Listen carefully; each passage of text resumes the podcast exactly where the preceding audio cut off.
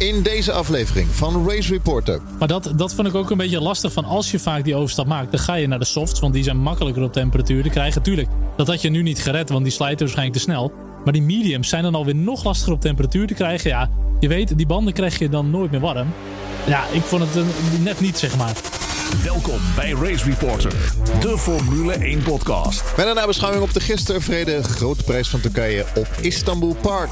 De race van afgelopen zondag kende voor de twaalfde keer in de geschiedenis nul uitvallers. De achtste keer in het hybride tijdperk en de derde keer dit seizoen na Frankrijk en de verkorte Grand Prix van België. Max Verstappen, die P2 pakte voor Red Bull, leidt het kampioenschap nu met zes punten Niemand heeft het kampioenschap zeven races op rij met meer dan acht punten geleid dit jaar. Ocon brak een 24-jarig Formule 1-record tijdens de Grand Prix van Turkije. Esteban Ocon voltooide de Grand Prix zonder een enkele pitstop te maken. De laatste keer dat een coureur een race voltooide zonder een pitstop te voldoen was tijdens de Grand Prix van België. Maar die tellen we eigenlijk eventjes niet mee. Dus kijken we naar 1997 toen Mika Salo de laatste coureur was die een volledige raceafstand aflegde zonder door de pitlane te gaan. Dat deed hij op een eveneens vochtige Grand Prix, de Grand Prix van Monaco 1997. Race Reporter. De Formule 1 podcast. Het vijfde seizoen van Race Reporter, de Formule 1 podcast. Ik ben Lucas Degen en zit hier met het vaste team. Show is er terug. Yay! Yay! Jeroen Dammedaal en Jeroen Schotten. Dus stel je nog even voor. Nou, ik ben uh, Charles. Heel goed. Duidelijk. Wil je meer, weer meer weten? Stukje fotografie, stukje marketing, stukje Stukje marketing, stukje, stukje schagen. Stukje zo. Ga je nog simracen de, deze Nee, dat stukje is even, ont, dat ontbreekt even. Oh. Maar hij staat er nog. We gaan dan met Ja. de race reporter toch sim Ja. race. Ja. Ja, dat gaan we proberen. Ja. ja, ik haak aan dan. Jeroen Scholten. Nee. Jeroen Ja, Demmerdaal. Volgens mij is Jeroen Demmendaal eerst, ja. Sorry. Nou ja, Jeroen Demmendaal dus. Ik, eh, ik doe iets met schrijven en met communiceren. En ik eh, kijk ook veel Formule 1. En we zijn allemaal licht autistisch. Dat moet altijd in de goede volgorde. Altijd. Nou, Jeroen Scholten. Altijd in de goede volgorde. Ja, Jeroen Schotten. Hallo. En ik, eh, ja, ik kijk ook heel veel Formule 1 en zo. en Daar lul ik nu over. We hebben een speciale pas voor jou. Je hebt je 540ste Grand Prix gezien. Nou, Dus we wel iets een, meer. eh, Ik heb er meer. Je krijgt een paarse poncho. ik had het pas. eigenlijk uit moeten Ja, rekenen. en een maar- afvalpas. Een afvalpas. Kun je gratis afval weggooien. Ja. En je kan hier het pand voortaan altijd binnen wanneer je wilt. Nou, ik ben echt helemaal emotioneel. Ik loop Ja. nu wel een beetje vol. ik vind het wel heel... De eh, verbinding wordt ineens heel slecht. Waar gaan we het allemaal over hebben? Deze aflevering, volgens mij 110, ik ben even de tel kwijt. De eh, glorieuze zegen van Valtteri Bottas. Ik gun het hem echt. Als geen ander. Eh, de moeizame race van Hamilton. Strategische Wacht, keus van Gun je het Mercedes. hem echt als geen ander? Ja, ik vind Dat het zeg wel leuk dat. Bottas weer een keer wint. Niet eh, toch een keer Norris of eh Nee. Russell of weet ik het wat wie. Nee, Als Nee, geen als geen ander. hè? Ja, want dit is, Hij gooit het het laatste jaar ik dat hij vind nog sowieso kan een hele rare zin ook. De glorieuze zegen Ja. van Valtteri Bottas. Ja, dat is een hele rare zin. Fantastisch. Maar goed, waarschijnlijk zijn laatste overwinning. Dat weet hij denk ik zelf ook wel. Eh, stand in het WK. Vooruitblik op de Grand Prix van Amerika. En natuurlijk de vragen die zijn binnengekomen. De luisteraarsvragen via Twitter. Dank daarvoor. De pondshow. Want het is een regenrace. Dus is het weer een pondshow. En eh, ik hoor veel mensen zeggen dat het een saaie race was. Ik vond het geen saaie race. Jeroen Scholte, wat vond jij ervan? Ik vond het ook geen saaie race. Was het zei dat gewoon ook? leuk? Ja, ik hoor heel veel mensen zeggen. Ik vond het niet echt heel spannend. Ah ja, kijk, misschien omdat het natuurlijk eh, regende. Dat, eh, dat het misschien een heel groot spektakelstuk verwacht was. En- Misschien zijn we ook een heel klein tikje verwend, zeg maar. Ja, dat in denk het ik ook. gevecht om de leiding en zo. Dit jaar is het natuurlijk fantastisch sowieso al. Eh, misschien dat er, omdat er ook nog een regen vooraf was, dat, het, eh, dat, dat men dacht dat dit wordt een, weer een enorme knaller. Nou, dat was ook niet zo. Maar dit was toch een hele degelijke race, denk ik. Met een 6,5 of een 7, denk ik eh, dat ik hem wel zal waarderen, ja, persoonlijk. Een lichtvochtige zeven. Ja. Een lichtvochtige 7, ja. Een paar hele, paar hele mooie gevechten gezien. Echt hele mooie gevechten gezien. En ja, prima, niks mis mee. Nou, tactisch interessant vooral, Ook. denk ik. ik denk, Ja. Het was geen spektakelstuk zoals we in, eh, bijvoorbeeld in Sochi zagen. Maar eh, tactisch was het echt heel boeiend. Eh, tot aan het eh, gaatje ook. Dus eh, ja, ik heb me ook prima vermaakt hoor gisteren. Nee, ik vond het wel spannend. Lewis, die een, eh, een Grand Prix 2011 China probeerde te, eh, na te Ja, niet na te doen, want toen haalde hij de finish Ja. niet. Maar die banden, hij reed helemaal op. En gewoon de tiende overwinning van Bottas alweer, hè? Ja. Eerste dit seizoen tien. in de Mercedes. Hij pakt er al gemiddeld twee per jaar in de Mercedes. Nou. Best knap. Dubbele cijfers. Best knap. Nou ja, best knap. Nee. Maar Op eh, papdag. World Ja, Porridge op Day. papdag, dat was Ja. mijn favoriete eh, detail van gisteren. Ja, dat het World Porridge Day was gisteren. ik moest eerst naar Google Translate om het te vertalen. Ik wist niet Ik wist de vertaling van pap niet. ik denk, hè? En hij mag ook een uh, pole position bijschrijven. Oh, potverdorie. Dat vond ik Ja. nog steeds wel een gek momentje om daar even En de terug te snelste komen. ronde. Dus Hoezo geeft. Pirelli hem die pole position band, terwijl hij dus niet de pole position heeft? Dan gaat het daar toch al zelfs mis bij Pirelli en zo en bij de FIA? Ja, maar het gaat wel vaker mis dit jaar met sprintraces en pols en weet ik het allemaal, toch? Ja. Oké, Ja. Nee, maar Ja. ik bedoel, hij, had gewoon een, hij heeft gewoon een hat gescoord. En eigenlijk als hij die paar rondjes van Leclerc, die had hem dan even nog dwars zelfs. En een Grand Slam gaat ook Ja. dit weekend. Dus ja, ik bedoel maar. Nou ja, ik bedoel, hè, eh, voor, voor twee weken terug noemde ik eh eh, eh, Valtteri Bottas een hoopje koffieprut. eh naar aanleiding van zijn prestatie in Sochi. Kwam commentaar op. En daar, daar kreeg ik wat commentaar op. Onder andere van een eh, eh, niet nader genoemde Ginger hier aan tafel. Maar ehm, Hmm. natuurlijk, gisteren was hij gewoon een lekker vers bakje koffie. eh, ons, eh, ons Valtteri. Eh, eerlijk is eerlijk. Ik bedoel, zo eerlijk zijn wij ook bij de Race Reporter crew. Eh, als iemand een uitstekende wedstrijd rijdt, dan krijgt hij dat te horen. Ja. Dus eh, Ja. chapeau voor Valtteri Bottas. En dan geen, hele-? Waarschijnlijk, waarschijnlijk zijn beste race voor Mercedes. Ja. Nou, ik- inderdaad. De, van, van de tien overwinningen, de mooiste misschien wel. Ik, Nou. ik, ik, ik, ik weet even die andere negen niet zo snel meer. Kijk ook niet. Uh, voor mij zijn er zes op Sochi, voor de rest geen idee. Ah, nee, maar goed. We hebben volgens mij nog wel meer, meer punten dan Hakkinen, toch? Ja, maar ze deden Ja. ook meer punten uit tegenwoordig. Maar ik bedoel, eh, Max heeft bijna net zoveel punten als Michael Schumacher. Hè? Oh, ik bedoel, echt, dus ja? dat, dat soort statistieken moeten we Oh, even oké. loslaten. Dat Nou, slaat dan, eh, op. heb ik niet gezegd. Nee. Eh, vraag me de van een andere Jeroen. We hebben er nog niet genoeg. Jeroen Verdonschot. Ja, die vraagt eh, complimenten voor de race van Bottas. Dankjewel. Eh, wat denken jullie? Is dit de laatste win van Bottas? Nou ja, dat riep ik eigenlijk meteen afloop van de wedstrijd. Nou, dit was de laatste win van Bottas, ja. Maar misschien niet helemaal waar. Want als er nog een keertje een, een, een leuk duelletje komt tussen Hamilton en Verstappen, dat hij er nog eentje kan pakken misschien. Maar eh, in principe zou dat zomaar kunnen, ja. Kijk, de laatste kijk, historische overwinning van Valtteri Bottas. als, als Lewis Hamilton nou de laatste zes races wint. Ja, dan kan ik me voorstellen dat, dat hij de laatste eh, Grand Prix, de laatste bocht, zoals Senna ooit bergen voorbij liet in Japan, dat hij dan zegt Bottas, ja, mag gaan winnen. Maar dat zie ik niet gebeuren echt. Nee, Eh, d- dat zou nog kunnen, ja, maar nee. Dat, eh, nee. Nee. dus we hebben nu besloten, dit was de laatste overwinning van Valtteri Bottas. Hij kan ook gewoon op vakantie nu. En eh, dat was het. Ja, Ja. dat was het dan. Bedankt.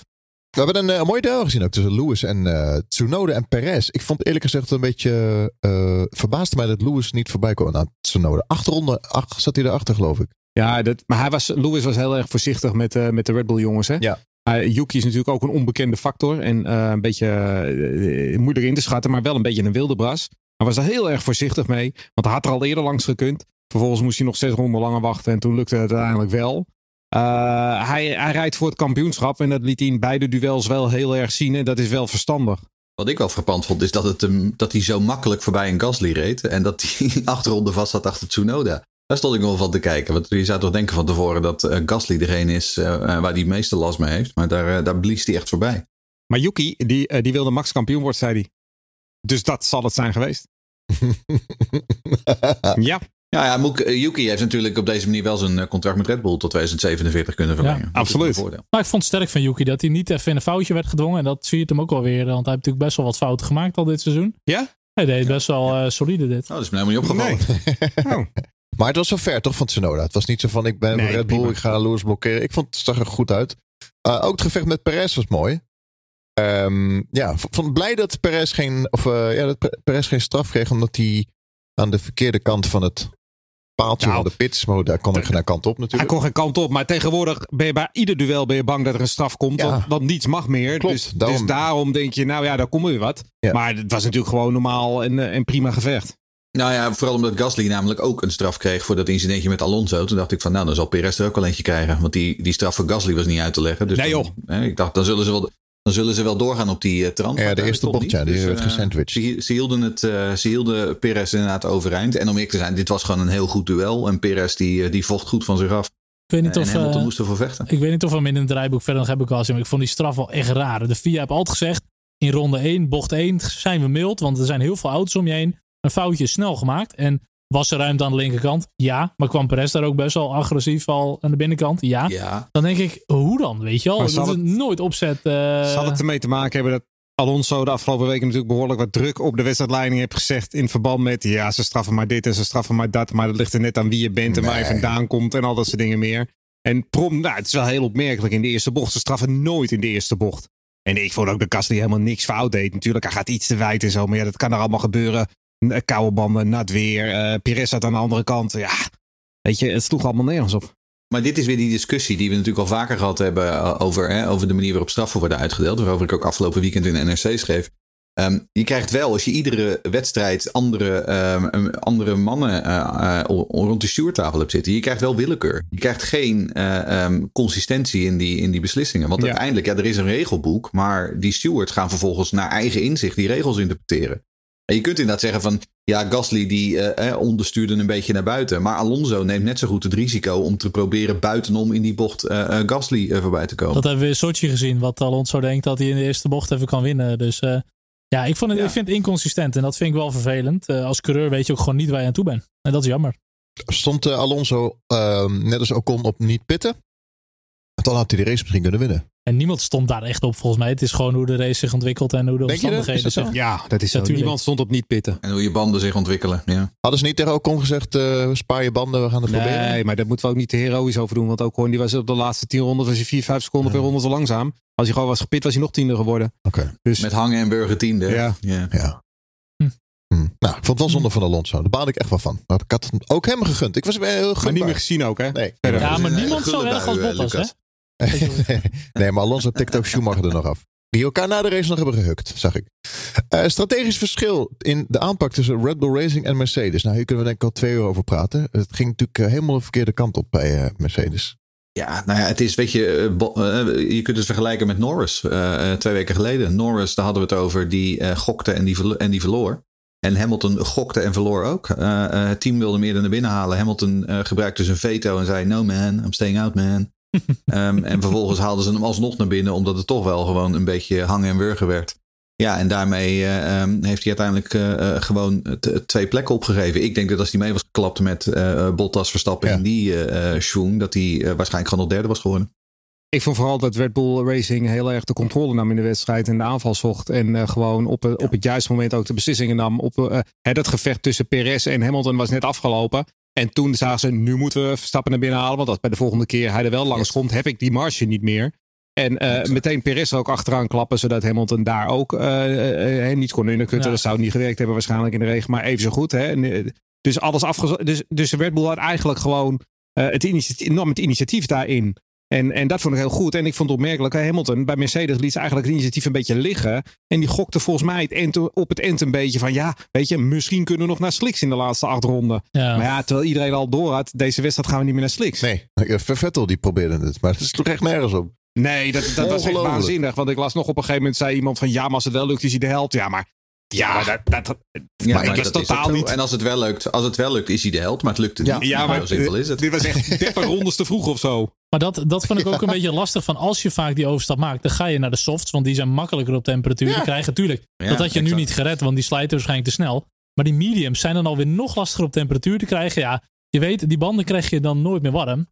Ja, ik vond het Nee, eh, maar het- net niet, zeg maar. Eh, Het snelheidsverschil van de mensen met, eh, eh, die hem inhalen. Het was niet eens mogelijk op slicks. Nee, Nee. nee, dat was helemaal niet. Echt. Hij zei het ook net, hij zei het ook net drie bochten al. Ja. Uh, this doesn't work. Ja.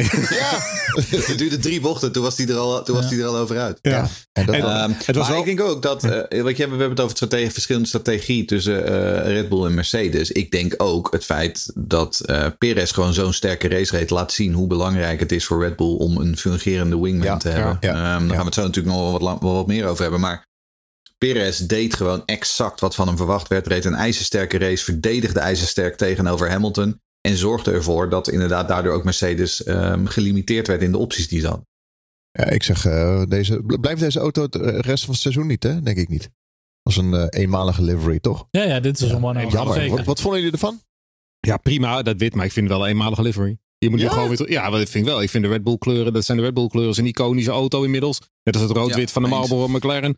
En eh, ja, heel veel mensen kunnen het saai vinden, maar zo'n auto wordt pas iconisch als je hem blijft gebruiken. Dat is waar. En Charles? Ja. Ja, ik vind het wel vet. Ik vond het die pakken vet, vond ja. ik net even te wit. Ja. Die achtervleugel hadden ze eigenlijk ook wit moeten doen van die auto. En er zijn wel wat details dat je denkt. Volgens mij kan het net wat beter. Maar ze zitten ook qua design altijd wel vrij afgekaderd volgens mij. Ik vond Dus ik cool. vond het heel dik. Maar Ja. ja, ik ben altijd wel dat ik denk. Sommige dingen eh, Wat net stond niet. er ook op de zijkant? Arigato? Ja, op de achtervleugel. Ja, de toch? achter- Ja, toch? Nee, Ja. Jouw tweet wel grappig, Jeroen. Nou, dan. Dan zeg ik, mijn Japans is niet zo goed, maar volgens mij staat hier dat Max Verstappen volgend jaar. Ja, die gaat in de IndyCar rijden en Takuma Sato voor Red Bull. Ja, precies. Ja. Werd het uiteindelijk niet. Maar ik vind het ook wel mooi voor Honda. Als je ziet eh, hoe ze dat project aangingen. En ook die drama met McLaren en zo. En dat die, was best wel eng dat Red Bull toen naar Honda ging. Dat je dacht, dit wordt of volledig drama. Of ze gaan er echt eh, Eh, iets van maken wat werkt. En uiteindelijk is de keuze helemaal niet verkeerd Ja. geweest die ze hebben gemaakt. Dat is een goeie. Ehm, en ik vind ze verdienen goed afscheid. Absoluut. Ja, absoluut. absoluut. Nou, overigens vond ik ook wel dat, want er werd dan op vrijdag bekend, formeel bekendgemaakt dat Honda nog een jaar doorgaat met supporten en zo. Dat werd vervolgens aangekondigd alsof het een berekend nieuws was. En dacht ik van, nou, voor mij heeft Christian Horner dat maanden geleden al, al eh, in allerlei interviews aangegeven.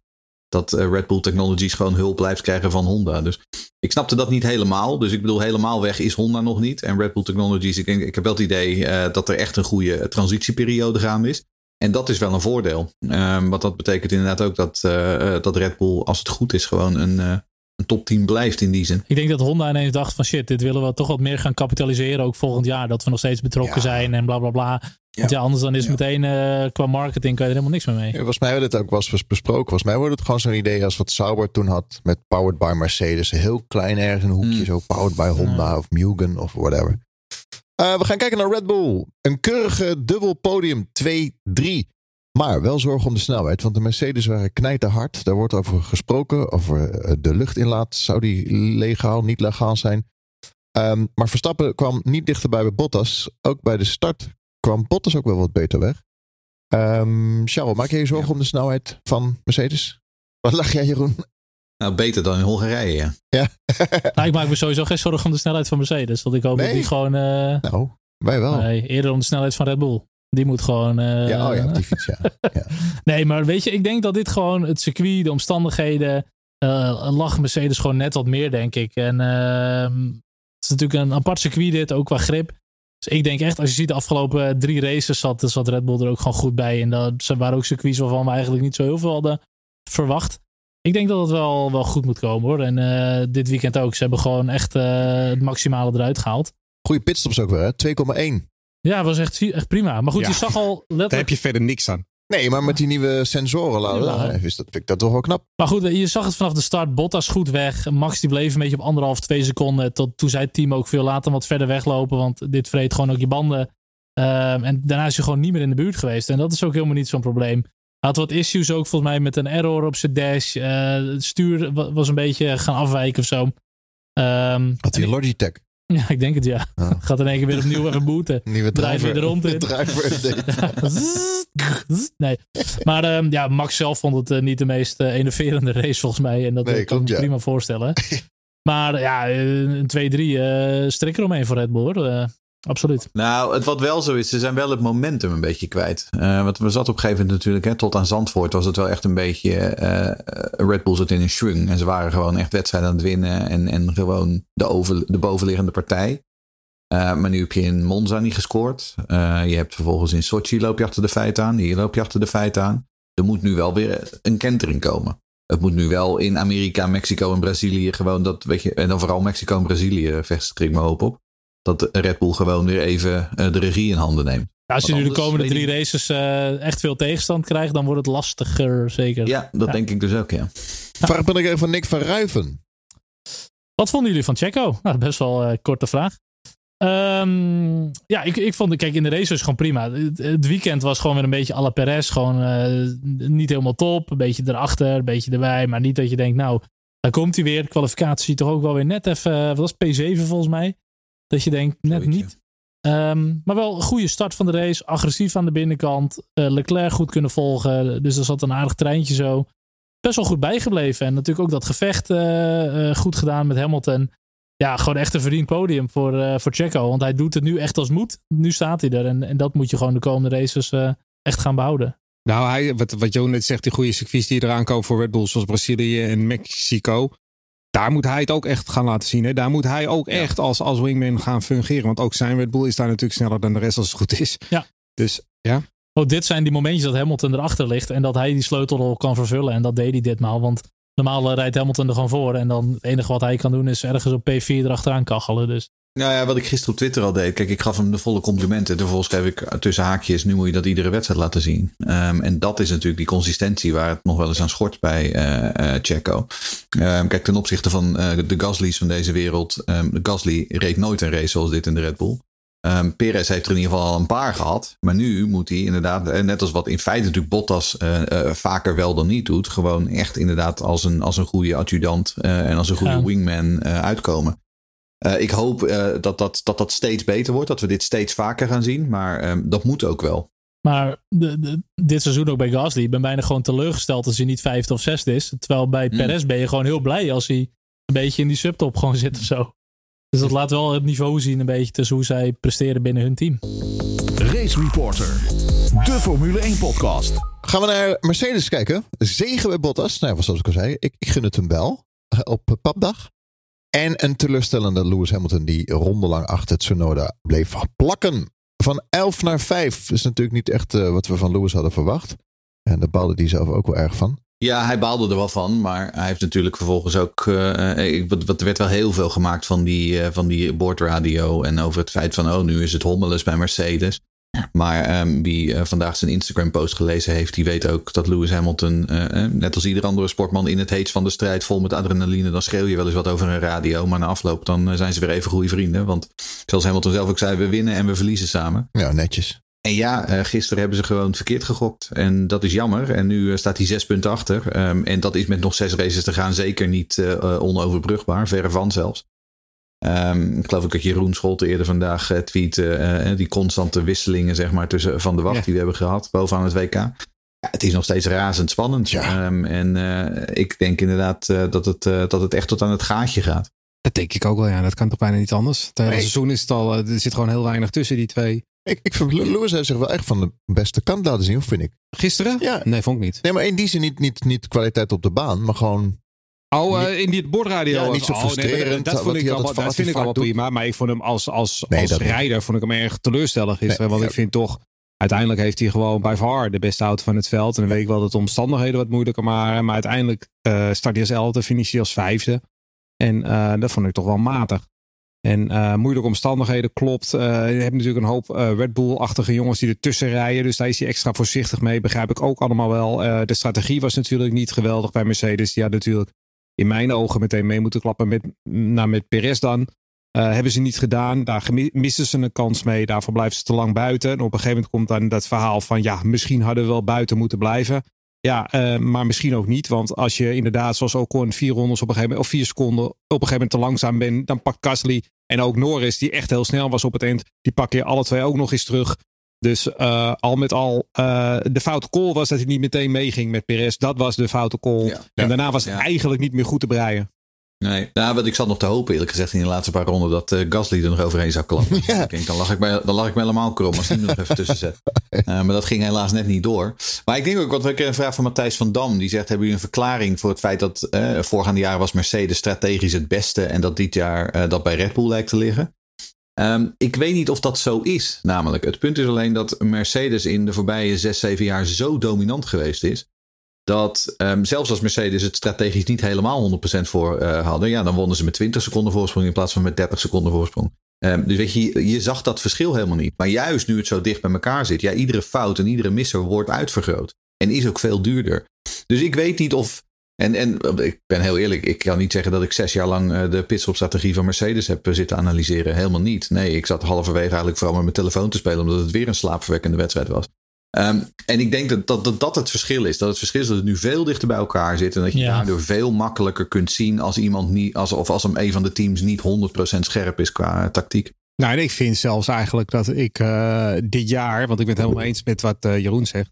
Uh, dat de Mercedes gewoon, die hebben nooit zo in die situatie gezeten. Dus, dus ik, ik, ik ben het daar helemaal mee eens. En ik begin juist dit jaar te zien en, en ik begin juist dit jaar steeds meer te vinden dat eigenlijk als, als, als team, als geheel, als compleet geheel vind ik Red Bull eigenlijk op sommige vlakken wel beter dan Mercedes is. Ja. Uh, uh, en dan met name over de strategie, nou natuurlijk ook over de pitstops en het, en het samenwerken en dergelijke. Daar heb ik wel, daar heb ik het idee dat, dat, dat Red Bull daar gewoon verder in is dan, in, dan Mercedes. Die dat misschien ook nooit heeft hoeven doen. maar ja, als gevolg dat, dat, dat Red Bull als team misschien wel een stukje completer is nog.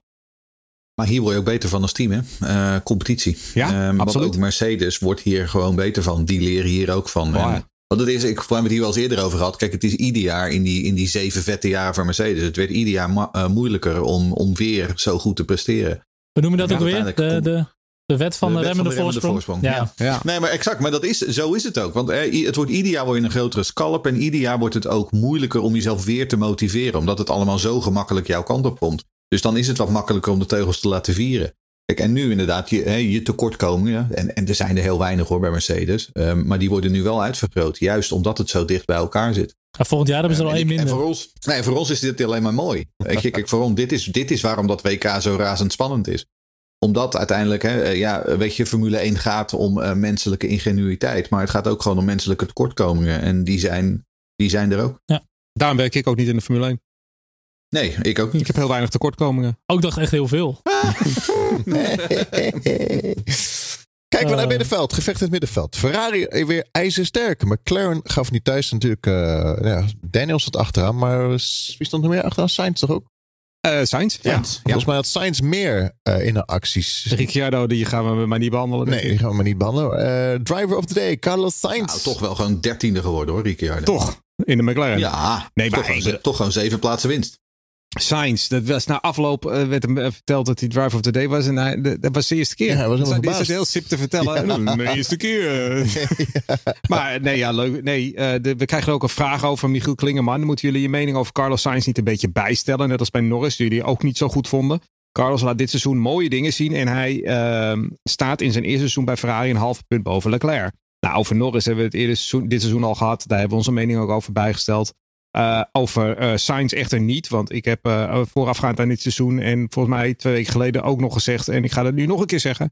Dat ik vind Carlos Sainz, ik vind er helemaal niks mis mee. Hij is een hartstikke goede, hartstikke degelijke, prima coureur. Ik denk alleen dat hij dat verfijnde, wat bijvoorbeeld Leclerc wel heeft. Dat mist hij net. Ja, Ja, nooit- ja, dat, Dat. ik zie geen kampioenschapskandidaat in. Maar hij zit daar net even onder. Hij is een soort van eh, eh. Ricciardo, eh, Ricciardo Massa. Patrese. Ja, Ja. Ja. Patrese, nou ja, noem het op. De Bergers, de Gerard Bergers van deze wereld. Dat, eh, dat zou hij ook heel erg goed kunnen. Maar net dat, dat kleine beetje, dat mist hij. En dat heeft Leclerc uiteindelijk zometeen wel voor je. Maar hij is wel heel degelijk. Dus in punten zal hij altijd blijven scoren. Maar dat ook. Ze staan nu een half punt apart, hè? ja, Ja, Eh, half dat is. Ja. Een half punt Maar verschil. weet je, elk, elk team waar die heeft gezeten, deed hij het echt meer dan solide. En Ja. echt heel goed. Maar je zegt op de baan mist hij net dat.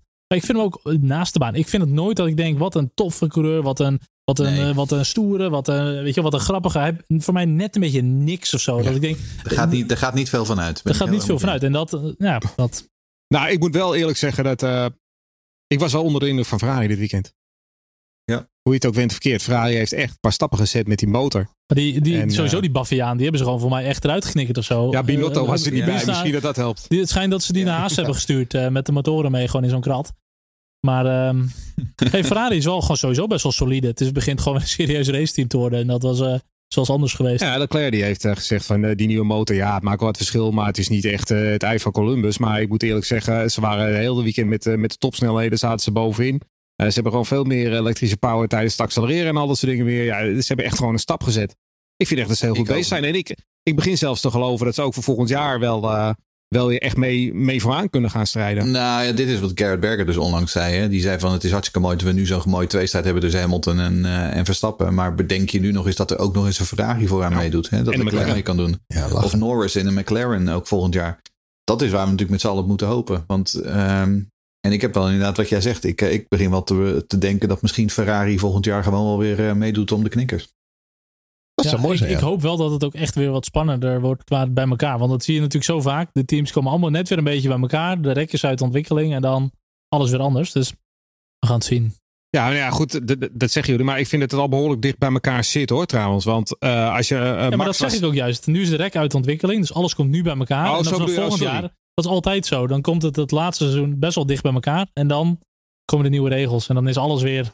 Ja, want dat wou ik zeggen. Max was, was, was een tiende in kwalificatie sneller dan Ferrari, sneller dan Alfa Ja. Tauri en, drie- en drie tienden sneller dan, dan Alpine. Dus het zit echt best wel heel erg dicht bij elkaar inderdaad. Ja. Alleen op een race pace vertaalt zich dat niet altijd. Maar dit keer kon Ferrari wel aardig bij blijven. Ehm, eh, hoe heet hij ook weer? Mazepin en Hamilton staat ook best wel dicht bij elkaar. Ja. Dat was meer op de baan. Ja, die staat ook heel dicht bij elkaar inderdaad. Ja. Ja. ik dacht dus wel eerst, kom ik er even op terug, Jeroen. Ik dacht eerst, dat is echt gewoon lomp van hem. Maar ik had nu even goed gezien. En hij zei het ook, hij had het gewoon echt niet gezien. Maar, Maar dit is, dit is wat ik dus gisteren Ah. inderdaad al tweette. inderdaad. Die, die spatial awareness, zoek het maar op in Google. Dat is dus dat je hè, als mens gewoon zeg maar, een gevoel hebt voor wat Ja. er om je heen gebeurt. En wat er om je heen eh, eh, zich bevindt. En, en Mazepin heeft dat gewoon niet. Eh, kijk, hij heeft, hij heeft met Schumacher, met Mick Schumacher heeft hij natuurlijk al een aantal keer. Die heeft hij gewoon ge- geprobeerd moed, moedwillig de hekken in te rijden. Ja. Maar zo vaak merk je gewoon dat hij gewoon, hij ziet mensen gewoon niet. En hij heeft gewoon geen idee wat er gaande is op Maar wie dat gevoel dus wel heel erg goed heeft, is Hamilton, hè? Want hij hield Ja, eigenlijk al ja, ja, in ja. voordat het gebeurde. Zat hij al ja, van... ja, ja. eh, ja, Ja. nou, Nou, dat was daarom is hij zevenvoudig wereldkampioen. nou, dat, Ja. ja. Maar en daarom rijdt hij ook heel vaak mensen op een achterwiel. Eh, goed. Oh, Carlos Sainz.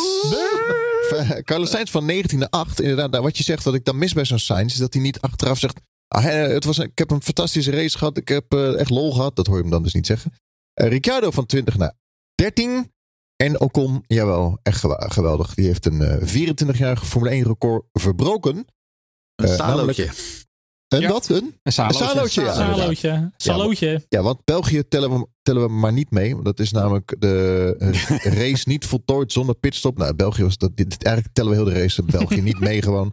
Ehm, België maar, is net als Saudi-Arabië. Die doen niet mee. maar Salo die was dus de laatste coureur met een volledige raceafstand eh, af te leggen zonder pitstop. Fantastisch. Dat was eh, Monaco 97. Was ook in de regen. Dat was niet eh, met Panis, toch? Dat was Nee, 96. dat was het jaar ja, dat was daarvoor. 96 jaar. Ja. En toen, toen weet ik, toen reed ook, eh, was iemand dat één pitstop. Was dat niet ook Salo? Nou, weet ik even niet met mijn hoofd. Maar in ieder geval. Salo die eindigde toen eh, samen met Hakkin en Irvine in de muur. Maar ik heb Ja. wel punten. inderdaad. Oké. Maar goed. In ieder geval, Salootje. Lachen man, 24 jaar. Een eh, nieuw record verbroken door Ocon. Leuk jongens. Veel En hij heeft mij een punt opgeleverd, want ik had hem goed als tiende. En hij werd tiende. Ja, Nou. Dus eh, hij heeft mij extra punten En dat als voorzitter van de Esteban Ocon fanclub. Nou, ik vond, Nou, het wel, ik eh, ik vond het wel een keertje passend dat hij Ja. mij ook een keertje wat zou terugbetalen. Ja. Maar goed, we hebben een mooie vraag van onze vriend van de show, Erwin F1 Collector. Die Precies, vraagt, ontmoet in België. Leuke vent. ja, ik heb hem niet ontmoet. Dat Oh. vind ik wel zonde. Ja. Maar goed, hij vraagt, wat vonden jullie van de tactiek van Alpine, Ocon, door heel de race buiten te blijven? Gedachten gingen een beetje uit naar Mieke Salo Monaco 1997, door heel de race buiten te blijven en een mooie P5 in de wacht slepen. Nou ja, kijk, ik vind het interessant. En ook vanwege de temperatuur was dit gewoon niet zo'n klassieke opdrogende baan. Want er viel natuurlijk ook niet echt heel veel regen meer, of een hele tijdje niet. Eh, je zag Vettel die de, gok probeerde te wagen naar de mediums. Leclerc en Hamilton die ook heel lang doorgingen. Maar ja, ik vond het wel leuk om te zien van dat strategische spel van wie gaat wat doen. eh, wanneer gaan we naar binnen, wanneer niet. Ehm, uiteindelijk was Ocon de enige die, die doorging. Ja, en ik hou er wel van. Ehm, wat ook, het is geen enkele garantie dat een nieuw setje intermediates goed slijten. Want als die baan wel te droog is en die band wordt te snel heet, dan, dan kun je hem ook helemaal aan gort rijden. Ehm, uiteindelijk is deze band ook best wel goed als hij gewoon eh, een halve slik wordt. Maar uiteindelijk, ja, het heeft hem een punt opgeleverd. Maar als hij gewoon op tijd was gestopt, had hij dat ook eh, gered. Dus ja, ik vind het leuk. Het is een mooi statistiekje en een leuke punt voor Ocon. Ik wou dat ik het ook. Ah, ja, dat is wel echt iets voor jou. hè? Ocon, Hamilton, Het blijft gewoon een leuke woordgrap. Ocon zit er gewoon. Maar goed, Eh, onduidelijke straf Gas, die hebben we al besproken. Malle actie Alonso. Ja, ik denk dat Alonso een beetje eh, Bij Schumacher. verhit hoofd had. Ja, dat die, Ja. Ja, eh, hij was dat, dat incidentje met Gasly natuurlijk een beetje gefrustreerd en geïrriteerd. En Ja. toen inderdaad dacht hij, nou dan ga ik Mick Schumacher maar... eh, maar nu heeft Nick wel een excuus dat, hij geen goede flauw. positie heeft gehaald. Anders had hij anders had ik in de punten gereden. Nee, maar ik vind, wel, ik, wil, ik vind Alonso wel zo leuk geworden de laatste tijd. ja, hè? Ja. Ja. ik had echt, dat hij terugkwam naar Renault, moet ik heel eerlijk zeggen. Dat ik zoiets van, ja, moeten we nou weer met Alonso? Maar ik vind hem zo leuk dit jaar. ja. Maar het is vaak zo met, eh, het is vaak zo met ouderen. Van of je wordt zeg maar heel leuk en Zoals gezellig. Of je wordt gewoon zuur. Zoals ja, jij. dat tweede, dat dan, ben ik. eh, Ik word zuur. Wel, maar ik- trouwens, Ja. een vermelding voor Mick Schumacher. Tweede keer in Q2. Ja, Ja, dat deed hij heel wel goed. gewoon Ja, heel ja. goed. En, eh, en ook heel goed van Mazepin. Want in Sochi was hij vier seconden langzamer dan eh, Oh ja. Schumacher. En nu was hij maar drie seconden langzamer ja maar Schumacher. is wel Dus, heel... dus heel- er zit vooruitgang in. en die is heel constant altijd in Q1 gewoon, hè? Dat wel. Ja, die haalt altijd Q1. Altijd keurig Dat is Q1, knap. heel constant daar. Nee, maar ik vind de, eh, Alonso, dan moet ik gewoon eerlijk zeggen, van die, ik, ik hou er gewoon van wat hij allemaal in de media nu ook roept. En eh, over de Britten die voorgetrokken worden. En hij vindt dat en hij is daar Eh, heel erg op de hand van Max, heeft hij ook inmiddels gezegd. Maar ehm, ja, ik vind het gewoon heel leuk. Hij, hij zorgt wel voor wat reuring. Hij zet wat druk op de stewards en de wedstrijdleiding. Uh, of het allemaal waar is, dat weet ik niet. Uh, er zijn wel meer mensen die er allemaal in geloven. Conspiracy theory. En de man die zit hier naast mij, die gelooft erin. En er zijn ook wel wat beslissingen genomen. Dat ik denk, ja, hmm, weet je, waren die nou echt nodig? Maar ik, ik, ik durf niet te zeggen. Maar ik vind het wel heel leuk dat hij, hij voegt wel wat toe. Ja, zeker. Ja, maar nou moet ik wel zeggen, om, om in te haken op wat Charles hiervoor over Sainz zei. Um, Ocon begint ook wel een beetje flats te worden. Um, want Ocon was ooit echt heel erg de bad boy, zeg maar. En ik heb Ocon eigenlijk al een tijdje dat niet meer zien. Ik vond hem nooit echt die bad boy hoor. Maar... Nee, ik ook niet. Maar je, je, je snapt wat ik bedoel. Hè? We hadden natuurlijk hè, eerst had hij ruzie met Perez. En daarna had hij uh, die geweldige ruzie ja. met, met, Verstappen in Brazilië. In de Formule 3 al. Een tijdje erg, het is, ja, maar het is nu al een tijdje erg stil rond Esteban. Um, ik, denk, ik vind hem een beetje flats aan het worden. In de Formule 3 was het al een ettertje. Hè? En dat bedoel ik positief hoor. Maar in de Formule 3 was het al een ettertje. Het is van origine echt wel een ettertje. Maar ja, misschien dat hij de laatste tijd ook. Uh, uh, misschien dat iemand hem dat ook verteld heeft. Hè? Dat hij zich wat meer. Hij heeft natuurlijk op een gegeven moment een wat mindere periode gehad. En dat, dat er ook al over gesproken is met hem. Ja, ja dat zou kunnen. Vraag ben ik van. Niemand minder dan Leroy Verrijken. Verijken. Verijken, ja. Hij vraagt wanneer de inters volledig kaal zijn gereden. Zijn ze dan te schalen als een harde band? Of hoe zit dit precies? Nou ja, zo zwart-wit uh, zeker weten. Ja, kijk, als ze op een gegeven moment die, dat, uh, die, die, ja, de groeven zeg maar eraf zijn, dan heb je eigenlijk gewoon een, een slikband. En het is uh, niet een soft die extreem, extreem snel gaat. Ligt er natuurlijk net een beetje aan hoe de conditie van de baan is, hoe nat het nog is, hoe koud het is. op dit moment kon je gewoon heel lang doorrijden met die, met die intermediates. Um, maar het is gewoon met name belangrijk als je ook ziet van hey, Vettel die ging toch ook naar de slicks. En wat we net al zeiden, daar is de temperatuur is dat gewoon het grootste verschil. En die ga je nooit krijgen met een, met een nieuwere band. Um, dus ja, dit is wel de way to go voor die teams uh, om gewoon door te kunnen rijden. Was het nou niet dat Lewis binnenkwam op versere banden, maar die waren niet beter dan de versleten Nee, maar dat is dus omdat die band eigenlijk te heet wordt. Ja. Die gaat niet goed slijten. Dat gaat eigenlijk bijna eerder een beetje scheuren, zeg ja. maar. Uh, dat, op een gegeven moment als dat eraf is, dan, dan komt hij wel weer terug. Maar dat, dat moment, ja, maar dat moment dat je op een soort van semi-droge baan wel op die, dat profiel rijdt, ja, dat is gewoon even, daar moet je even doorheen. Maar goed, wat wel mooier zou zijn, denk ik, voor die intermediates, als die kaal zijn, dat je een soort van die cliff gaat hebben. Dat die op een gegeven moment gewoon af is. Want nu rijden ze echt tot aan het karkas uh, bijna door. En dat is wel gevaarlijk. Want als hij dan klapt, dan heb je echt een probleem.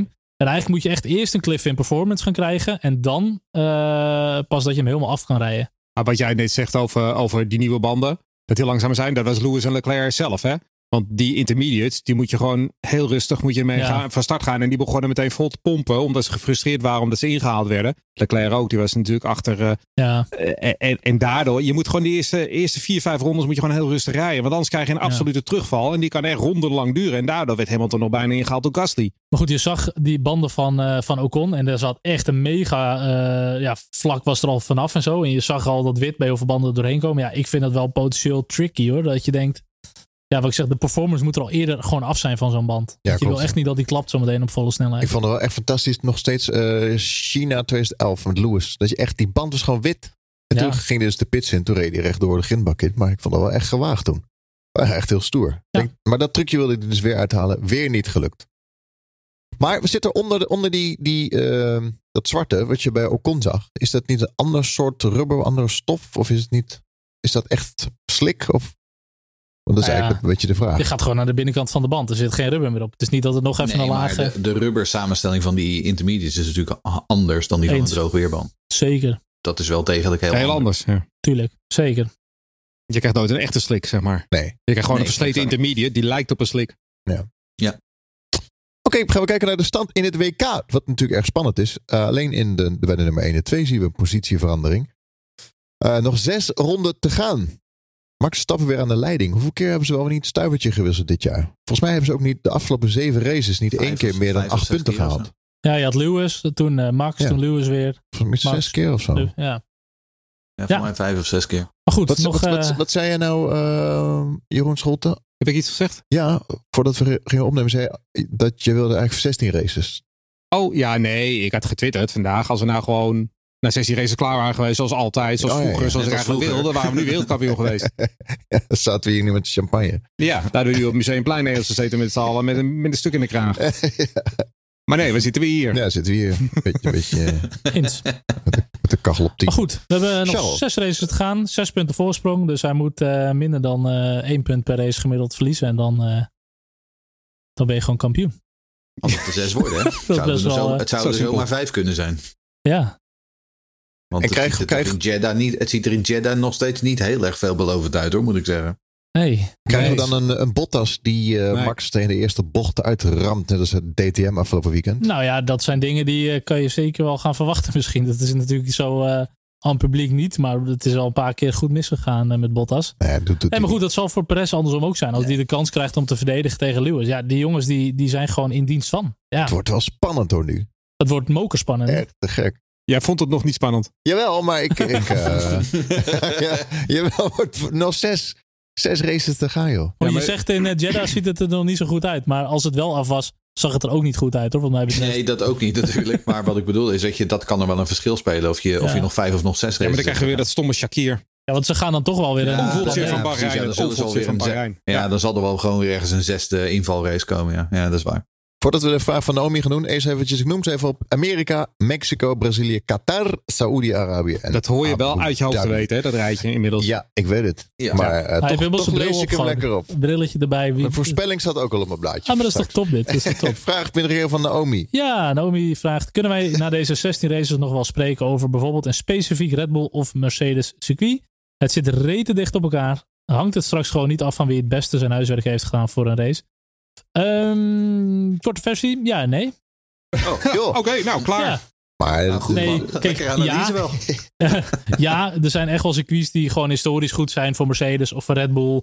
Circuits, eh, hoge snelheid zoals Monza of juist wat langzame bochten. Ehm, maar nee, het is eigenlijk ook weer net zo afhankelijk van welke eh, eh, upgrades nemen ze mee. Hoe is het met de motor? Welke strategie hebben ze ook qua afstelling, et cetera. Ehm, wat is de temperatuur toevallig op die baan? Eh, is dat Het anders dan wat ze verwachten? Het weer. Ik wil net zeggen, het weer. Ja. Eh, vooral, in, Ehm, eh, vooral in, hoe heet het, hè? In, eh, Amerika. in Brazilië. Ik En bedoel, daar kan het ja. echt nog wel eens eh, goed Zo. eh, uit de klauwen lopen. Amerika is ook niet altijd mooi weer. Klopt. Maar goed, ehm, de verwachting voor mij is dat Red Bull echt wel erbovenop blijft zitten. En dat ze echt wel een goed pakket hebben. Ehm, wat we net al zeiden, de afgelopen drie races hadden we het ook niet echt verwacht. En hier staat hij toch nu aan de leiding. Dus ehm, Het staat niet tegen, hè? we gaan het zien. Nee, het staat Maar niet tegen. Het nee, staat eens. niet tegen. Qua snelheid kon Red Bull de afgelopen drie, eh, drie races gewoon niet Ik bijbenen. wou, ik wou Nee. het zeggen. En de oh, motor-update. Die hebben ze ook niet voor niks gedaan. Nee, en alsnog staat hij wel aan de leiding. Ja, maar... hey, jongens. Ik heb brekend nieuws.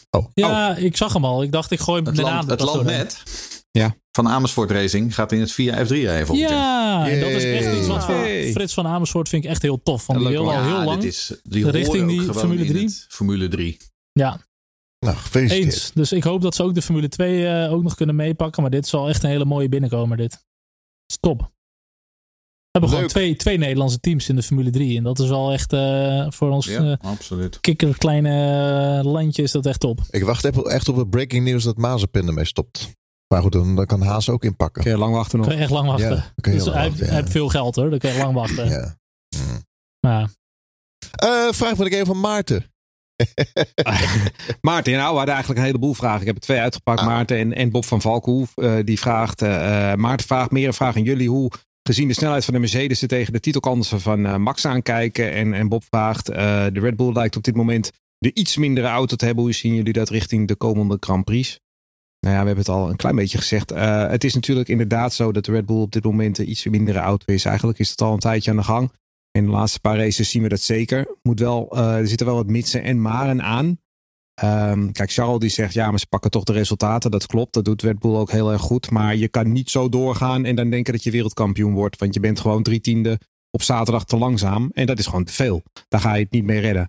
Uh, maar de mits en maren die eraan zit is natuurlijk. Uh, hè, we, hebben net, we komen net terug van Monza, Sochi en Turkije. Dat zijn wel drie circuits die natuurlijk Red Bull niet echt heel erg gunstig gezien zijn, normaal gesproken.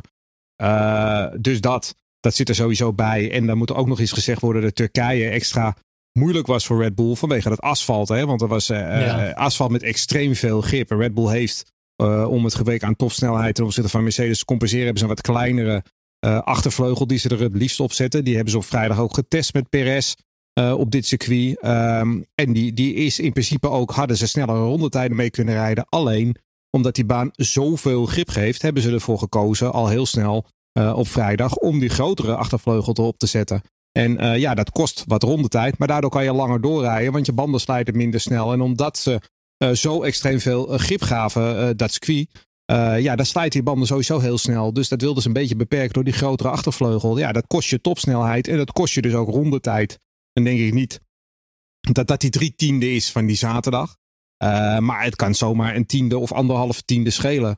En uh, ik verwacht eigenlijk uh, op, in Amerika dat die iets kleinere achtervleugel, een beetje dat lepelvormige vleugel die ze hebben, dat die er dan wel weer opgeschroefd wordt. En dat kan ze weer wat meer, weer meer snelheid opleveren en net iets meer rondetijd. Dus ik, ik zie dat nog wel hoopvol in. Maar ik moet wel zeggen, Mercedes is veel sterker als voor de zomerstop. En dat is vooral op het, het vermogenvlak. Ja. Uh, die auto is niet veel beter geworden, want ze hebben volgens mij sinds Silverstone niet meer geüpdate aan de auto. Maar die motor is wel veel krachtiger en ze halen gewoon meer uit de auto. Dus ja. dat is wel een punt van zorg, ja. Ja, en ik denk gewoon dat ze uh, meer risico's nemen qua betrouwbaarheid. Zo simpel is het. Ja. Um, en vooralsnog uh, be betaalt dat zich uit. Maar ik heb wel het idee, kijk, ze hebben natuurlijk zo, je hebt zo'n balansschakeltje tussen betrouwbaarheid en tussen vermogen. En ik heb het idee dat ze de boel wel gewoon wat verder open ja, en Bottas doet het gewoon uh, beter dan Perez. Dus dat scheelt ook gewoon. Die zitten toch vaker ja. ertussen, ervoor. Ja. En dat, dat, dat, dat gaat ze ook opbreken. Nou, in de, in de constructeurstrijd is het ook, uh, wat is het, uh, 36 punten inmiddels. Dat is wel redelijk veel, hè? Of maar, middel maar een paar races te gaan in hele betrouwbare auto's. Ja, maar toch, als je met twee coureurs goed scoort en een ander team die faalt even, dan kan je er zo voorbij zijn. Maar... Heb je wel een uitvalbeurt en, nodig, en, hoor. Ja. En ze zitten er wel, maar ja, Verstappen heeft al drie uitvalbeurten, dus daar ga je ja. al. Um, maar ze zitten er wel gewoon veel dichterbij dan in voorgaande jaren. Oh, qua, absoluut. Qua kampioenschap is het op meerdere vlakken wel spannend. Want Red Bull heeft zicht op die constructeurstitel. Nou, dat zou al heel vet zijn. Uh, Horner zijn natuurlijk al. De rijderstitel is natuurlijk eigenlijk ook wel gewoon belangrijker. Uh, voor Max willen ze gewoon binnenhalen. Moet ook daarachter is gewoon heel veel nog te winnen en te verliezen zijn. Dat is wel leuk hoor. Dat Norris die, die staat nog steeds voor Perez. Nou, die zal dat ook wel heel graag willen volhouden. Of het lukt, geen idee. Nou, we zeiden net al, Leclerc en Sainz zitten een halve punt tussen. Uh, McLaren en Ferrari vechten op P3 in het kampioenschap. Nou, dat gaat ook om echt gigantisch veel geld. Alpine, Alfa Tauri, P5. Nou, ik denk dat Haas ook wel graag van de nul af wil komen, maar dat wordt wat lastiger. maar het is wel interessant. Zeker. Haas, ja, ik, ik, zie dan steeds gebeuren dat ze de snelste race rondrijden en dat ze niet in de top 10 rijden. dat is dan die ene punt dan al kwijt. Was dat toen ook net niet als, zo net, op Spa? Net als in Spa. Ja, dat is Spa, die, ja. kregen officieel, die kregen officieel de, de snelste race ronde. Toen kreeg hij hem officieel ook niet. Ja, dat, ja, ik was de enige hier in de groep die zich daar boos om maakte. Echt? Ja. Wat was ik dan toen? Ja, dat weet ik niet. Oh, ik heb geen idee. Ik, ben, ik was echt woest was ik. Woest was je, ja. Woest! Race Reporter. De Formule 1 podcast. Vooruitblik op de Grand Prix van Amerika. Um, laten we even wat herinneringen ophalen. Bijvoorbeeld de, onder andere in de herinnering... Uh, miauw. Ja, de, dat is die GP waar ik bij was. De laatste winst van Kimmy. ja, inderdaad. Ja. Dat is echt top. Maar ik was het niet hoor. Ik was het niet. Was niet. Ik vond het een geweldige race toen Max nog uh, voor uh, Toro Rosso reed dat die hele andere lijnen reed en Vettel steeds inhaalde. Het was toen echt de Mercedes, Ferrari in elkaar en met elkaar gevecht en Max die er zo tussen zat. Ik vind dat leuk als ze een cowboyhoed hebben en als Ricciardo weer uh, oh, ja. Texaans een beetje gaat praten. Ja. ja, dat is echt top. Dat, daar geniet ik het meest van.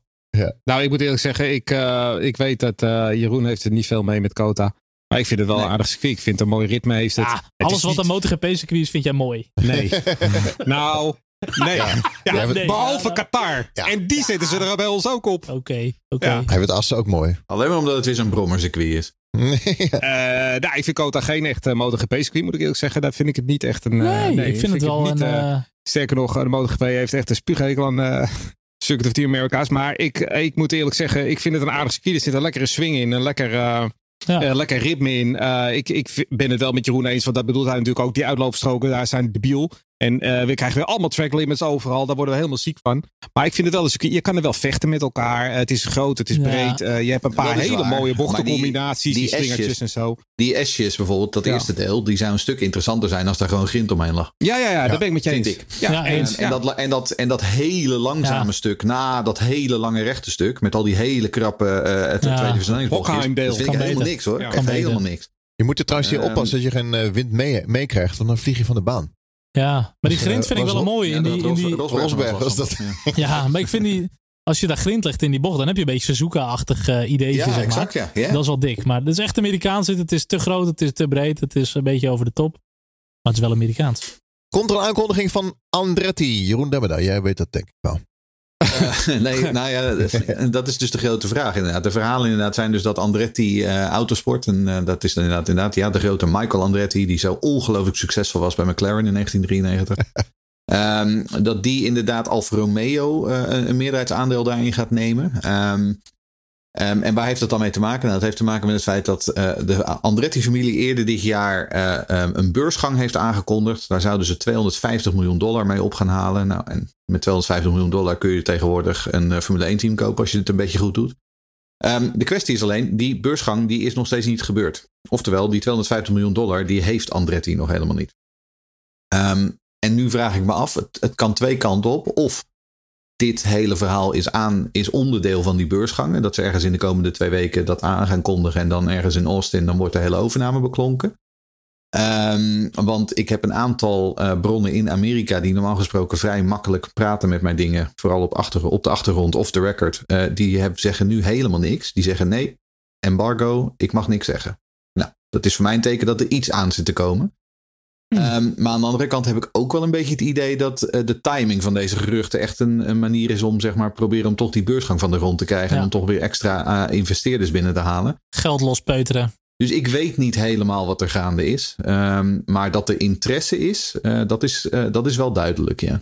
Je moet toch met zo'n Russisch team op de grid, moet je toch ook wel een paar Amerikanen kunnen poren van joh, er zit nu een Russisch team in de hoogste klasse van de autosport en geen Amerikanen. En geen Amerikanen. Nou, exact. Ja, kijk, en natuurlijk, eh, Ja, Liberty Haas, is maar dat is geen Amerikaans team meer eigenlijk, hè, Haas? Nee, tuurlijk, dat is het ook niet. En, en, maar Liberty is natuurlijk Amerikaans. Hè. Uh, Amerika is natuurlijk de markt waar de Formule Groei, 1 graag groei, nog uh, extra uh, voet aan de grond wil krijgen. Daarom krijgen we ook een Grand Prix in Miami op dat zogenaamde stratencircuit. Wellicht Ehm, Las Vegas, hè, hoor ik. Ja, Gaat ook wellicht nog Las komen, Vegas, wellicht? dat komt ook weer naar voren inderdaad. En de Andretti-naam, ja, dat is natuurlijk wel. Hè, eh, er zijn maar weinig racenamen in Amerika en in de wijdere wereld die zo bekend zijn als Andretti. Dus ja, Andretti in de Formule 1, dat zou een prachtig verhaal zijn. Ehm, eh, maar ehm, ik moet het allemaal niet. nog even zien. Andret niet. Andretti niet. En er zit natuurlijk nog het eh, verhaaltje aangekoppeld dat de naam van Colton Hurt daarna valt als rijder, hè? ja, Ja. inderdaad. Maar Maar dat ja, die heeft geen superlicentiepunten. Dus ja, Nee. Dan houdt het op. Maar ja, die had, die had, niet- die had Nikita Mazepin ook niet. En die kreeg hem ook. Dus nou ja, daar heb je. Ja, Ja, dat alles is te koop. Alles is te koop. Ik denk dat ze wel een uitzondering maken als Colton Hurt er graag naar de Formule 1 wil. Want eh, wie de IndyCar kijkt, die weet dat Colton Hurt daar heel hard kan rijden. Ja. Ehm, en ja, Henk Kiel die vraagt, hoe zien jullie de toekomst van Alfa Romeo onder Andretti? Ehm, ik heb eigenlijk geen idee. Dat is dus Want- de grote vraag. Want ik bedoel, dat hangt er dus helemaal vanaf hoeveel er geïnvesteerd gaat worden. Wie er samen met Andretti geld gaan steken. Want op dit moment is Alfa eigendom van die investeerdersfirma die ooit Marcus Ericsson in de auto zette. Dat, dat Strongbow of Longbow, eh, hoe ze ook heet. en is Alfa niet meer een soort van titelsponsor? Ja, en er wel het is- iets het is meer? Want het is Sauber, nog steeds Sauber, Sauber. ja. Het is in Sauber, feite Sauber. gewoon Sauber. Sauber is de engineering tak. Die, die runnen het team. Alfa Romeo is gewoon de sponsor. Die, ver- die ver- eh, verbinden gewoon hun naam eraan. Maar die is ook nog verlengd dan- toch voor volgend jaar, of niet? Ja, die zijn verlengd inderdaad. Ehm, en dan heb je dus inderdaad dat Longbow Finance. Die ooit eh, ehm, eh, Ja. Marcus Ericsson in de Formule 1 haalde. Die zijn eigenlijk voor zover ik weet nog steeds meerderheidsaandeelhouder van het team. En die zouden dan dus hun aandelen gaan verkopen aan meneer Andretti. Nou, dat zou kunnen, maar dan daarna, ik, ik, weet, ik weet niet. Ik weet niet zo heel goed wat we ervan Nee. moeten verwachten. Hoeveel aandeel heeft Andretti dan? Of zouden ze? Waar hebben we het dan over? Is dat 1,51, 49? Ja, er wordt geroepen in, in de verhalen, wordt, nee, 80% worden we het Oh, geroepen. Dus we hebben het wel gewoon over echt, echt Groot, gewoon een groot. overname. Ehm, Maar dan is Peter hebben we- dus exit dan. Ja, 20% nou, het, het, het interessante is 20%. ook dat Zack Brown eh, in, de, eh, in de Raad van Commissarissen zit bij Andretti. Die was wel weer interessant, zeg maar. Dat is wel weer interessant. Dus ik, ik, misschien wordt het een, misschien een McLaren junior team. Ik weet het niet. Ik Ja. er zijn allerlei mogelijkheden. Maar er, er is wel eh, een heleboel rook. Dus er is ergens een vuurtje hier. En Zac Brown Dat- is een soort van. Toto eh, 2.0 gewoon. Maar dan de ja, aardige, bijvoorbeeld, vriendelijke ja. versie. Ja, en dan is ook Ehm. natuurlijk de toekomst van Ferrari bij dat team. eh, dat wordt natuurlijk eh, ongewis. Ja. Want als Ja, ik al hoor, ja. het wordt wel misschien wel een junior team van McLaren. Ja, dan is Ferrari en Mercedes in dezelfde Maar- hoek. Dat, dat wordt ook weer lastig. Alfa is ook eigenlijk totaal geen junior team van Ferrari. Want ze stallen juist al die uitgeranceerde coureurs. En Nou, die Giovinazzi. niet- nou, maar die, die is nooit eh up and coming geweest, vind ik. Dat is nou Nee, niet echt een jong talent of zo. Als je nou toch FDA bent, hè, de, de Ferrari Driver Academy, dan ga je toch die Giovinazzi jaar na jaar verlengen in die, in die bak. Dan zeg je Nee, dan nu want toch dan- bijvoorbeeld, hè, waar we het al eerder over gehad hebben, waarom zit Mick Schumacher niet in die auto? Ik snap er helemaal niks Of van. Poutier zometeen Maar, erin. Of eh, eh kom op, eh, Mick- Eilert. Of eh, Mick Schumacher. Mick Schumacher is toch niet veel beter dan Giovinazzi? Callum Island ook niet. Nee, maar als je dan het nog hebt over talent eh, waar nog potentie in zit, dan denk ik, Giovinazzi die zit al echt aan zijn top. En dat is niet, eh, niet top, zeg maar. Giovinazzi is geen Ferrari-materiaal, dat weten we Nee. inmiddels wel. Dus waarom zit hij nog steeds in die auto dan? Dus ik ben het wel eens met Charles. Sowieso die hele, die hele functie inderdaad van Alfa als Ferrari eh, junior team, dat is altijd al, dat is al een paar jaar een beetje een eh, aflopende Ja. zaak, heb ik het idee. Dan had je ook eerder afscheid genomen van Kimi. Bijvoorbeeld, ja. Maar goed. Amerika, want we hadden het over. De Grand Prix van Amerika. Eh USA.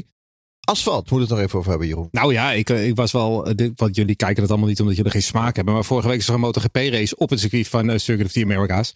En eh, het grote issue daar vanaf de vrijdag af was al het asfalt. Dat was eigenlijk bijna niet op te rijden. En de MotoGP heeft ook gezegd. Als volgend jaar nog steeds. Het moet opnieuw geasfalteerd worden. Anders gaan we volgend jaar daar niet terug. En het was alleen maar hobbelen en bobbelen. Het was echt vorig jaar toch ook al zo met de Formule 1. Dat Het is altijd begint zo te scheuren geweest. en het begint Het is te gaan. klopt, ja, altijd zo geweest. Maar het is nu nog. Nou, vorig jaar reden ze er niet, maar je twee jaar geleden, ja. Eh, maar het is nu erger dan dat het ooit is geweest. En het zijn ook Hmm. eh, inmiddels eh waren ze er ook achter. Het zijn drie verschillende soorten asfaltlagen die daar in de verschillende sectoren liggen. Die ieder een Hmm. eigen grip level hebben. Dus dat is ook wel heel interessant voor auto's om eroverheen te rijden. Dus ik denk dat dat vanaf volgende week vrijdag ook een heel erg groot issue gaat worden. Want Formule 1 coureurs zijn over het algemeen nog grotere zeikers als MotoGP coureurs. is zo fijngevoelig. Ja, dat is heel erg Dan wil ik niet lullig doen, maar wat kost nou eh, een nieuw asfaltlaagje? Nee, ja, maar dat hebben ze al eh, zo vaak geprobeerd. Het, het werkt daar gewoon niet. Maar- het schijnt op een soort van eh, klei te Het liggen. is wat als een soort van, zo. Het werkt als een soort van spons, zeg maar. En het trekt Ja. gewoon langzaam aan dat circuit. De, de, de, de grond eronder, die klei eronder, die beweegt onder het Ja. circuit. En dat schijnt inderdaad... Ze hebben er wel eens een overstroming gehad in 2015... wat het allemaal nog veel erger heeft Ja, gemaakt. dus je kan wel nieuw asfalt, maar als die onderlaag niet stabiel gaat het zijn, blijft, dan eh, blijft het drama. inderdaad, eh, het blijft dramatisch. En misschien dat eh, uiteindelijk Circuit of the Americas ook geen langlopend eh, verhaal gaat worden Lopend? vanwege dit. Langlopend. langlooppond. Eh, omdat ze dit niet onder eh, controle kunnen krijgen. Maar ik, Ja. ik, eh, ik, ik zag het Ja. vorige week zo aan. En ik denk, nou, dat gaat met de Formule 1 coureurs gaat dat geweldig worden. Dit gaat echt een grote rol spelen, ja, volgende week. Maar dat is wel interessant, want jij zegt MotoGP is dus al niet happy. Ehm Nee. IndyCar is al weg, want er komt geen hond kijken. Eh, NASCAR eh, eh, heeft inmiddels al gezegd dat ze er ook niet zo heel veel zin meer in hebben. Dus ja, wie gaat er straks nog op Kota rijden? En ja, als het dan inderdaad allemaal als een soort van op een, op een soort van drijfstand gebouwd is, die hele tent, dan kun je je afvragen hoe lang dit eh, Nee. toch een lang Toch, ik leven snap dat niet. Hè. Amerika is zo'n groot land. Er is, er wel, is er nog wel mooiere banen daar. Waar, Er zijn veel daarom- mooie banen, maar dat is het hele probleem. Eh, daar het gaat nooit 1 begrepen. niet heen. Er zijn veel mooiere banen. Tallen. Road America banen. of zo, of Laguna Seca, Ja. of weet ik veel wat je op verzin. Want je hebt zoveel toffe banen. hè? Ja, Watkins Glen of eh, ik bedoel... Ik snap er helemaal niks nu gaan ze weer naar Las Beach. Vegas. Long Beach gewoon doen, Of huppatee. nu, Ja, zoiets- Long Beach. nee, nu gaan ze weer, ik- ze gaan nu weer naar Miami. Wat moet je daar? En dan kom je weer met het Las Vegas verhaal. Wat moet je daar? Nee, gewoon Nee. lekker Long Beach inderdaad. Of Detroit. Over die rotonde. Ja. Detroit. Ze, ja. zie je aanko- ze zie je aankomen. Over Senna, lazy. nou, Detroit. Caesars Palace. Niet- Detroit is tegenwoordig een spookstad. Dus, eh, Of die skyline van New York hebben we ook nog in de special over gehad en zo. Dus Oh ja, die, eh, die, wat is het? Die, die New Jersey, eh, Ja. dat New Jersey ding, toch? Ja, dat, Ja. Dat, waarom is dat nooit van de grond gekomen? ja. Dat had ik graag gezien, ja. Ah goed, ehm, goed. Nou, ze luisteren, gaan dus zien. eh, ze, gaan er ongetwijfeld wat mee doen met deze feedback. Ja. Herinneringen hebben we al eigenlijk besproken. Maar Hebben we al besproken, ja. Ja, ja, misschien nog. zelf te herinneren die ik vorig jaar had met deze opname. Dus eh, haal die er maar bij, knap, knip die er maar even En in. vorig jaar terugluisteren, ja. Nou, trouwens, wel leuk dat je het zegt. Er Ik heb, was vorig jaar geen race in Amerika, hè? dat weet je. Heus Ja, wel. het jaar ervoor dan. Ja, Maakt daarvoor. het niet uit. Nee, maar leuk dat je dat zegt. Want dan kan ik meteen even aanhalen. Ik heb onlangs weer eh, tot diep in de nacht aan onze website gewerkt. Je kan alle oude afleveringen terugluisteren. Want die zijn nu ook met ehm, oh, Spotify playertje. Dus je kan gewoon naar de website gaan en dan eh, kan je gewoon terugluisteren. Leuk En hoor. dan- Willen we tijdens opblijven luisteren- vanavond? Tijdens luisteren, doneren, mok kopen. Ja, vind ik ook. Inderdaad. En, eh, Stuur een tikkie. Eh, voorspelling, laten we die gaan doen. Ik hou snel mijn hand op mijn blaadje, want Charles kan heel goed op zijn kop lezen. Ja, ik heb vorig jaar niet meegedaan. We moeten Nee. eerst even de uitslag, hè? Want eh, Jeroen Scholten, die pakt gewoon even een dikke punt hier. Hoppakee. P10 goed met Ocon. Eh, hij had Hamilton, Botton en Perron had hij. Ehm, Perron. ik had geen voorspelling. En eh, Jeroen Demmen had ook even een puntje met eh Ja, ik had Perez. Perez. P3. Perez. Ja. Per, Perez. Hoe ging ik? Ging ik weer slecht? Nee, je hebt niks. Ik heb ook Oh. niks. Ik dacht, die, die jongens moeten even inlopen. dus sportief dat je ook slecht had eh, ja, voorspeld. ja, ja. Dus dat. Ehm, de leider mag beginnen, Lucas. Dus jij mag beginnen. Oh, Lewis, Max, Bottas, Alonso. Lewis, Max, Bottas, Alonso. Oké. Ehm, Lewis Max. Bottas. Ocon. Ehm, en Max gaat winnen. Het hoort gewoon. Ehm, en Lewis wordt tweede. En Perez wordt derde. En ehm, ik ga het weer proberen. Russell, tiende. Zo, eh, Hamilton wordt eerste. Nice. Eh, Bot- Bottas wordt tweede. Je was zeggen Botton. Botton. en eh, Norris eh, wordt derde. En eh, tiende wordt Ocon. Want dat gaf mij weer geluk net. Dus. Tussen jou en eh, Daniel staat één punt, hè? Oh, geen halve? Nee, één Oh. punt. Oh, Ik heb wel een halve punt. Hoe kom ik aan een halve punt? Ja, Oh, dat is een spa, denk ik. Ja, dat Dat denk is Spa. knap is De. dat. De.